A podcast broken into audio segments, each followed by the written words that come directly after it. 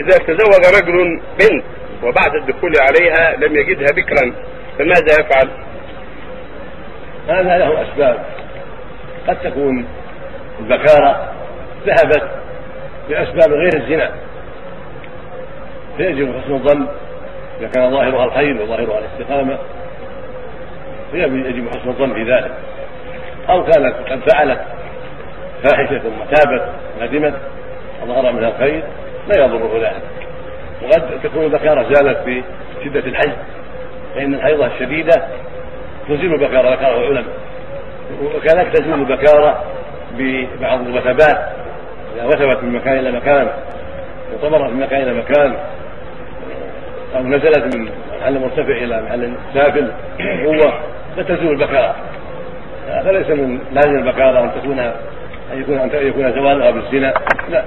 فإذا ادعت أنها زالت البكارة في بأمر غير فاحشة فلا حرج عليه. أو بأمر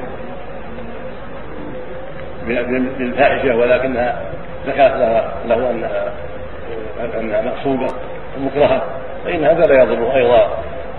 إذا كانت قد مضى عليها حيضة بعد بعد الحادث أو ذكرت أنها تابت وندمت وأن هذا يعني لعلت في حال سفاهها وجهلها ثم ثم تابت وندمت فإنه لا يضر ولا ينبغي أن يشيع ذلك وينبغي يشكر عليها فإن غلب على ظنه صدقها واستقامتها أبقاها وإلا طلقها مع الستر وعدم إضرار ما يسبب الفتنة والشر.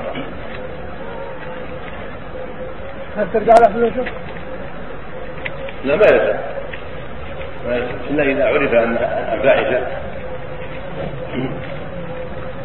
لأن المكاره قد تزول الحيض قد تزول الأسباب الأخرى من الأسباب وذلك قد تكون مكرهة ولو حكم مكره حكم حكم ولم يفعل شيئا.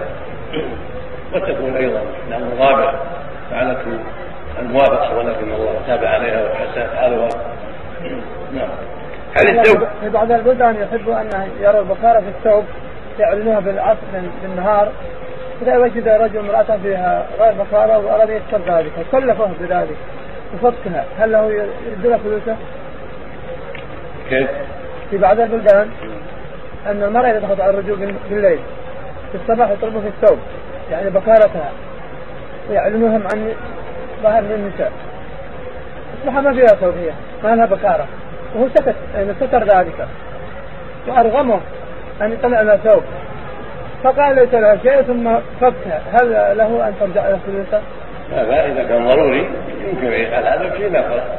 بدم آخر. حتى تستر عليها. وهو بعد ذلك مخير. إن شاء أبقاها وإن شاء طلقها يمكن أن يجعل دما من غير بكارة إذا كان ضروري لا بد من الغارق عندهم في عاداتهم وإذا لم يفعل قد رماها بالزنا بامكانه يضع شيئا من دماء دم آخر. ويعلق يجعلها كون من باب الستر على الناس والله والنبي صلى الله عليه وسلم ستره ستره ستره ستره الله الدنيا والاخره نعم